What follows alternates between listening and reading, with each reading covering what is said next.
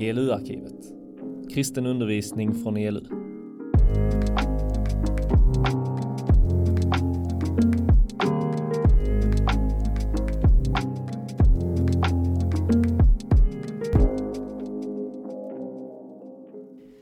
Det sista vi ska få göra före tolvslaget nu är att fira gudstjänst tillsammans. Det blir på ett sätt att avsluta året och samtidigt förbereda oss för ett nytt år, för 2023. Och det ska vi få göra genom att fokusera på honom som är upphöjd över allt och alla. Och vi ska få lovsjunga, vi ska få lyssna till hans ord och vi ska få ta emot hans eget kropp och blod i genom nattvarden. Och vi ska först av allt eh, läsa eller få höra eh, texten som är satt upp för denna gudstjänsten. Och vi ska fortsätta i Kolosserbrevet och börja på tredje kapitlet. Eh, så jag tar och läser de fyra första versen där som jag ska hålla predikan över. Om ni har uppstått med Kristus, sök då det som är där ovan, där Kristus sitter på Guds högra sida. Tänk på det som är där ovan, inte på det som är på jorden. Ni har ju dött och ett liv är dolt med Kristus i Gud. När Kristus träder fram, han som är vårt liv, då ska också ni träda fram i härlighet tillsammans med honom. Så lyder Herrens ord. Det är ju nyårskväll och då pratar vi ofta om nyårslöften. Man kan eh, lova mycket, träna mer, äta bättre, sluta snusa. Eh, olika saker som man ska liksom förbättra i livet. Och mycket av sådana löften kan ju ha sina fördelar om man klarar att hålla dem i alla fall lite. Men denna predikan ska inte handla om sådana enstaka löften. Det ska handla om något djupare och viktigare än det. Eh, det ska inte bara handla om något att börja eller sluta med. Frågan som predikan kommer att kretsa runt är istället vad ska vara viktigast för dig under det kommande året? Vad ska vara viktigast för dig under det kommande året? För den här texten som jag läste tycker jag kretsar just runt den frågan. För den frågar, eller den försöker svara på vad är det som du grundläggande, grundläggande söker i ditt liv? Eller en uppmaning för vad man ska söka. Men frågan som ligger bakom det är, vad är det som du grundläggande, alltså inte bara sådär söka för en dag eller för en liten tid, men grundläggande i livet, vad är det du söker efter? Eller som det står i en annan översättning, vad du strävar efter. Eller formulera på två andra sätt, vad är viktigast i ditt liv? Eller vad är det som är målet som du styr mot i ditt liv? Ute på havet så har vi skepp och eh, de styr mot ett mål. Och de vet målet och så kan det vara olika vägar, olika strategier för att nå målet. Eh, lite utifrån, särskilt om det är skepp som ska ha vind som, eh, som för det framåt så kanske det finns olika strategier för att komma dit. Men målet är viktigt för att komma dit man ska. Frågan är då, vad styr vi våra liv utifrån? Vad är det som bestämmer hur vi ska leva våra liv och vad vi ska göra? Vad är det som liksom styr livet? Och inte minst, vad ska det vara nu under det nästa året, under 2023? Vad är det du grundläggande ska söka efter då? Vad ska vara viktigast och vad ska du styra mot? Och den här texten som jag läste, den plockar fram, den säger två alternativ som du kan eh, välja. Det första som den nämner är det himmelska perspektivet.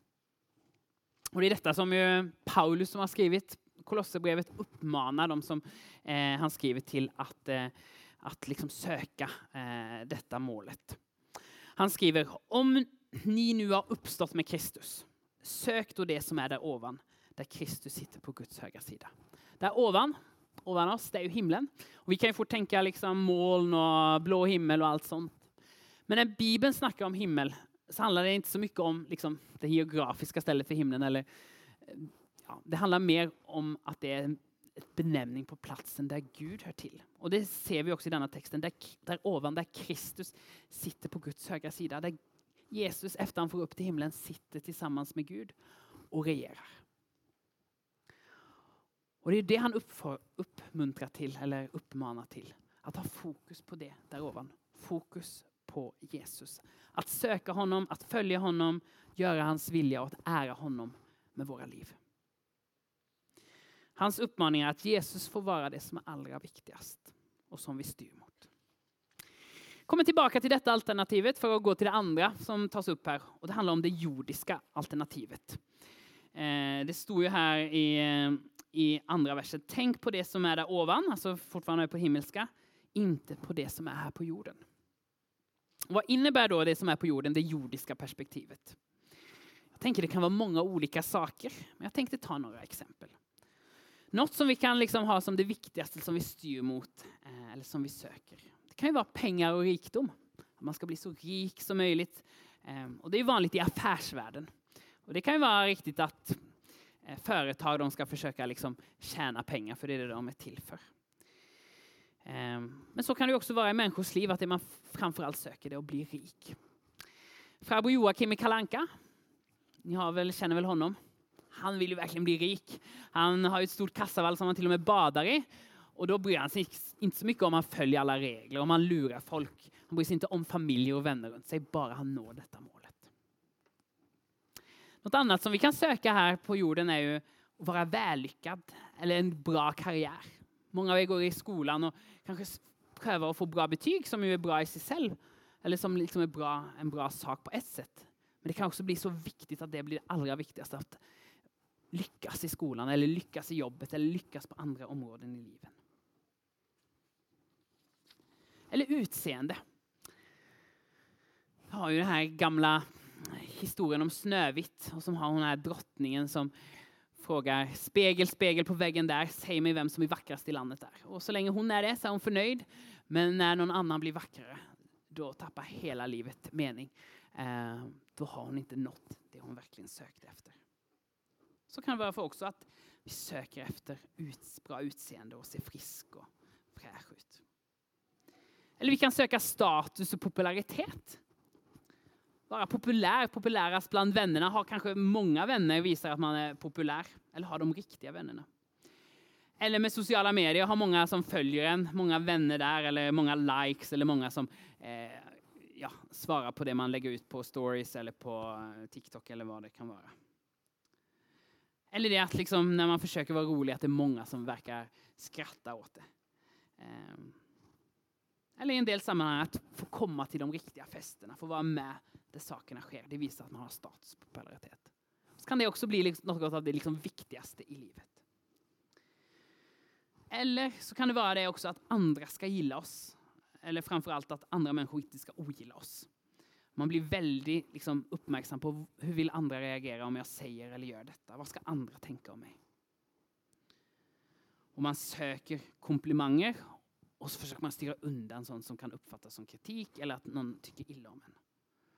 Och det tänker jag speciellt om man är kristen så kan det vara en fara. för Jag har i alla fall upplevt i mitt liv att jag några gånger kan känna liksom, oj, ska jag säga att jag är kristen? Vad, vad tänker den personen om mig då? Och så blir det liksom vad andra tänker om mig som styr, som styr mig och som blir liksom det som blir viktigast. Eller så kan det vara att få ett behagligt och säkert liv. Man ser till att få bra betyg för att så få ett bra arbete, för att tjäna massa pengar så man har en bra pension. Och så blir det det som liksom blir det viktigaste i livet, att trygga sig själv, att trygga sin familj runt sig. Eh, få den tryggheten. Och så lever vi i en värld där det inte är någon trygghet man kan dö vilken dag som helst. Men det är många sådana här olika saker här på, som jordiska saker som vi kan söka efter och som kan bli det viktigaste i våra liv. Och grundläggande för alla de här tror jag handlar lite om att vi söker vår egen lycka. Att det, det jordiska är på ett sätt att försöka hitta sin egen lycka.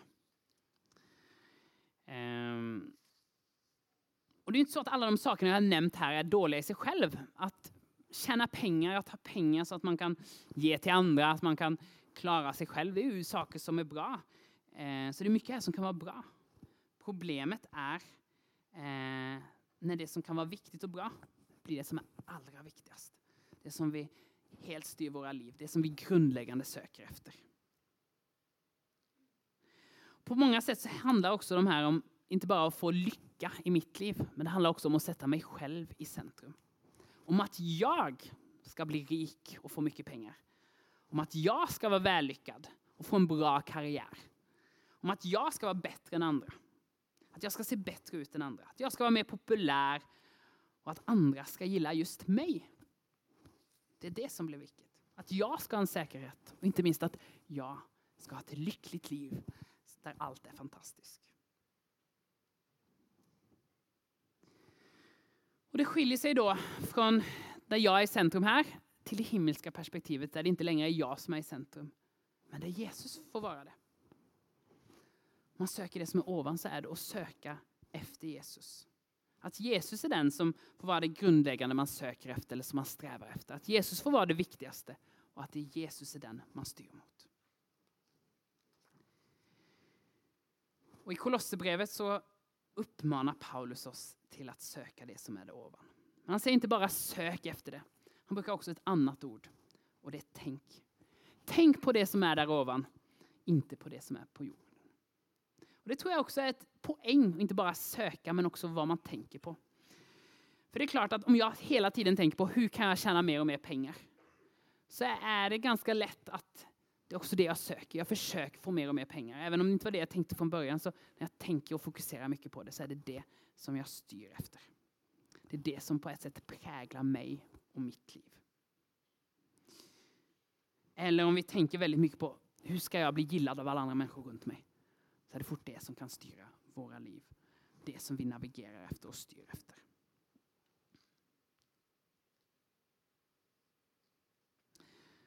Och Det är också lite vad vi använder vår tid på, vad vi fokuserar på. Eh, det finns ju många olika tv-serier som kan vara spännande att se. Men om allt vi matas in i är till exempel Ex on the beach eh, och sådana saker, så vill det också prägla hur vi tänker fort. Vad är det egentligen som tänker, vad vi tänker på och upptar oss? Vad är det vi fokuserar och använder vår tid på? Det är också viktigt för den här frågan, vad är det du har som centrum i ditt liv? Och inte minst så är det en fråga då, hur mycket använder vi på Jesus i förhållande till andra saker? För det är klart att använder vi 95 procent av våra tankar på att försöka bli populär bland våra vänner eller i vår omgivning och 1 procent av vår tid på Jesus eh, så är det ju en stor eh, chans att det vi använder 95 procent av vår tid på lätt blir det viktigaste i våra liv. Då tror jag det är två saker som är viktigt att göra. Och det första är att använda tid med Jesus i bön, lovsång, bibelläsning. Man själv använder tid med Gud, med Jesus och vara tillsammans med honom. Och göra det, inte bara när man är på läger eller några gånger då och då, men göra det regelbundet, helst dagligen och använda tid till det. Och det andra är att vara med i en kristen gemenskap. Att inte bara komma på läger och träffa andra kristna här, men också försöka hitta något ställe där man bor, där man regelbundet Gå på gudstjänst, är med i någon ungdomsgrupp och ha andra runt sig där man kan dela tron och uppmuntra varandra och eh, hjälpa varandra i tron. Och jag har varit mycket på läger när jag var tonåring. Och tyvärr så är det många av dem som jag var på läger som var brinnande i tron och som ville följa Jesus, som jag nu ser inte har gått lite iväg från kyrkan, ifrån tron. Och jag tror ofta inte det är för att de plötsligt tänkte, nej men det med Jesusbibeln, det är inte sant. Det är inte det de har tänkt, men det som har varit är att de har inte använt tid, de har inte använt fokus, eh, de har inte eh, varit i den kristna gemenskapen. Och så har de tagit lite steg längre och längre bort. Och så har det blivit en mindre och mindre viktig del av livet. Därför tror jag de här två sakerna är jätteviktiga. Att själv använda tid med Gud och att vara med i en kristen gemenskap. Inte för att det alltid är det som man tänker, åh, nu var det jätteroligt. Men för att det är bra för oss över tid. Paulus som skrev Kolosserbrevet, han tycker jag har en ganska fascinerande historia.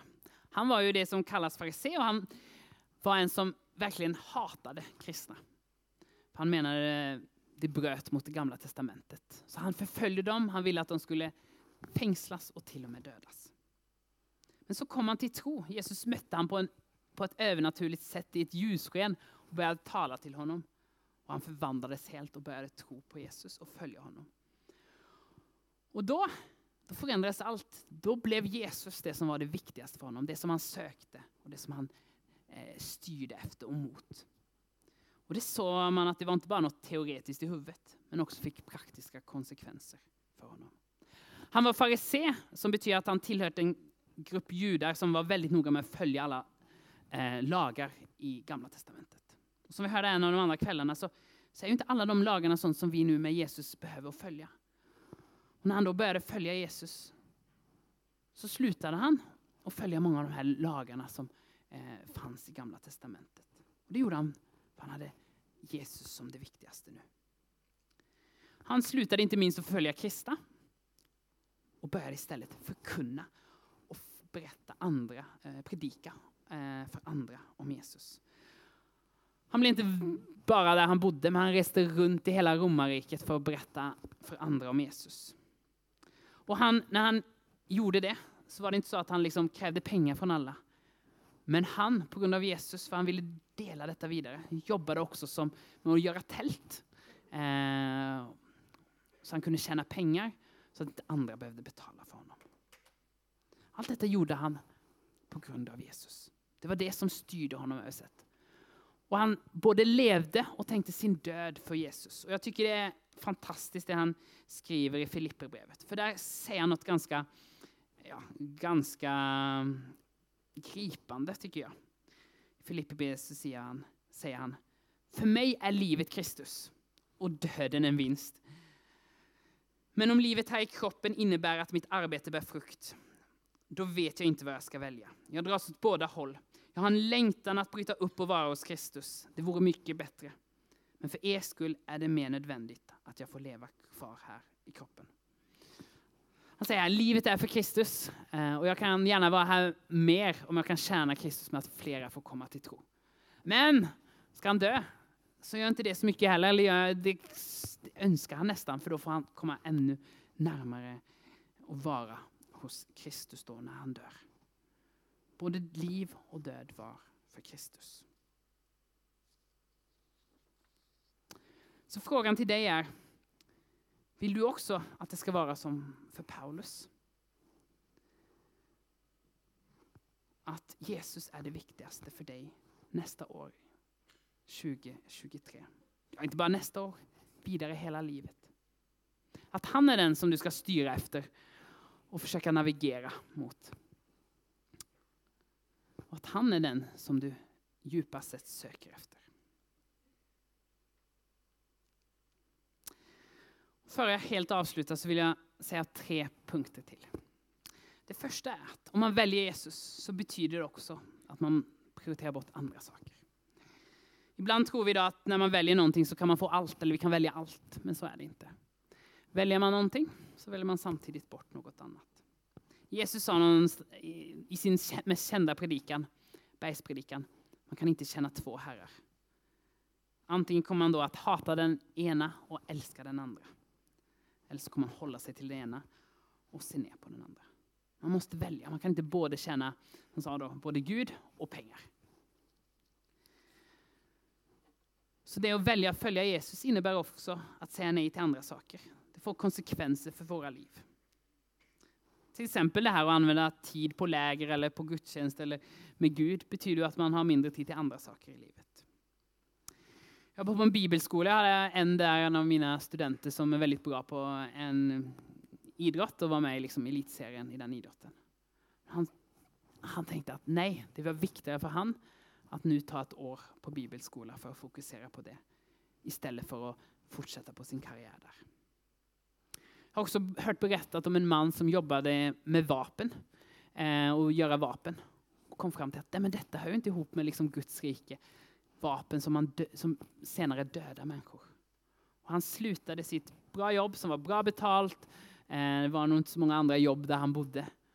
Eh, och sa det på grund av att han följde Jesus. Det att sätta Jesus först fick konsekvenser. Och det kan vara olika i olika människors liv. Men jag tror det är en bra sak att ta med sig. Att det, det att välja Jesus, att han ska vara viktigast också, betyder nej till andra saker. Det var det första. Det andra är att vi också får komma ihåg att livet, in, livet här och nu är inte allt. Men att om vi tillhör Jesus eh, så finns det också ett evigt liv som är mycket mer fantastiskt bortanför döden. I texten här som jag läser så står det när Kristus träder fram, han som är vårt liv, då ska också ni träda fram i härlighet tillsammans med honom. Kristus, Jesus, han ska komma tillbaka, skapa en ny himmel och en ny jord där allt sorg, eh, all synd, all smärta är borta. Och där vi också inte bara ska, där vi ska få vara tillsammans med Jesus på ett mycket mer konkret, mycket mer konkret sätt än nu. Och om vi känner några gånger då att det att sätta Jesus främst kan vara svårt, att det innebär att vi får uppoffringar på olika områden i livet. Eh, att det kan vara ja, eh, eh, utfordrande, som vi säger i Norge, alltså eh, utmanande för oss. Så kom ihåg att i framtiden, när Jesus kommer tillbaka, så finns det något mycket bättre och finare än vi kan föreställa oss här tillsammans med Jesus. Så det var också nummer två som jag ville säga där, som har punkter. Och det sista är att det som är lite spännande i denna texten är att det står att vi ska söka Jesus, det som är där uppe. Vi ska få förenas med Jesus. Eh, inte för att vi ska få förenas med Jesus, men för att vi har blivit förenade. Det här, den här uppmaningen som Paulus ger här till att söka det som är där uppe, söka efter Jesus. Eh, det står inte här som liksom, ja, det är det sättet som du får bli Guds barn, som vi hörde berättas om igår, eller som vi får förenas med Kristus. Hela den här texten börjar med, om vi nu har uppstått med Kristus, om vi har liksom genom dopet har liksom dött och stått upp till nytt liv. Och det handlar ju inte om uppståndelsen när Jesus kommer tillbaka, men att vi har liksom få leva tillsammans med Jesus här, att våra synder är förlåtna och att vi får tillhöra Jesus. Det är liksom det som är förutsättningen eh, för den här, eh, eh, eller det är det som ligger i botten för den här uppmaningen.